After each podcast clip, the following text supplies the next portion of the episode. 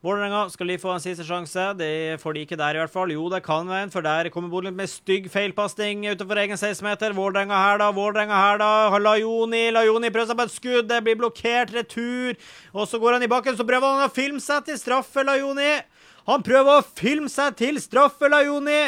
Får gult kort for Lajoni for en forferdelig kvalm og heslig type! Fysj! Ja, det er flaut. Det er flaut. Se på Lajoni, da! Kosta seg ned innenfor 16-meteren! Nei, det er så stygt, det der av Mola Lajoni. Han burde få rødt kort. Han får Ja, det er jo gult kort fra film, men uh, han burde jo få uh, Nei, det der er så heslig. Altså, tenk det, da, dere. En tidligere Bodø-Glimt-spiller som spiller mot tidligere lagkamerater, og så filmer han! Prøver han å filme seg til straffe i 95. minutt? Fysj! Fysj! Fy skam seg. Nei, jeg blir rett og slett irritert. Ja, Vi har passert fem minutter, så det er ikke mer som skjer her etter eh, Lajonis sin forferdelige Ja, det er faktisk ingenting mer som skjer, for der blås dommere.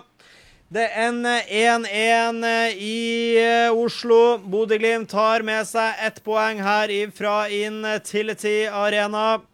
Og eh, det man sitter igjen med på slutten her, det er jo da en irritasjon over eh, Lajoni.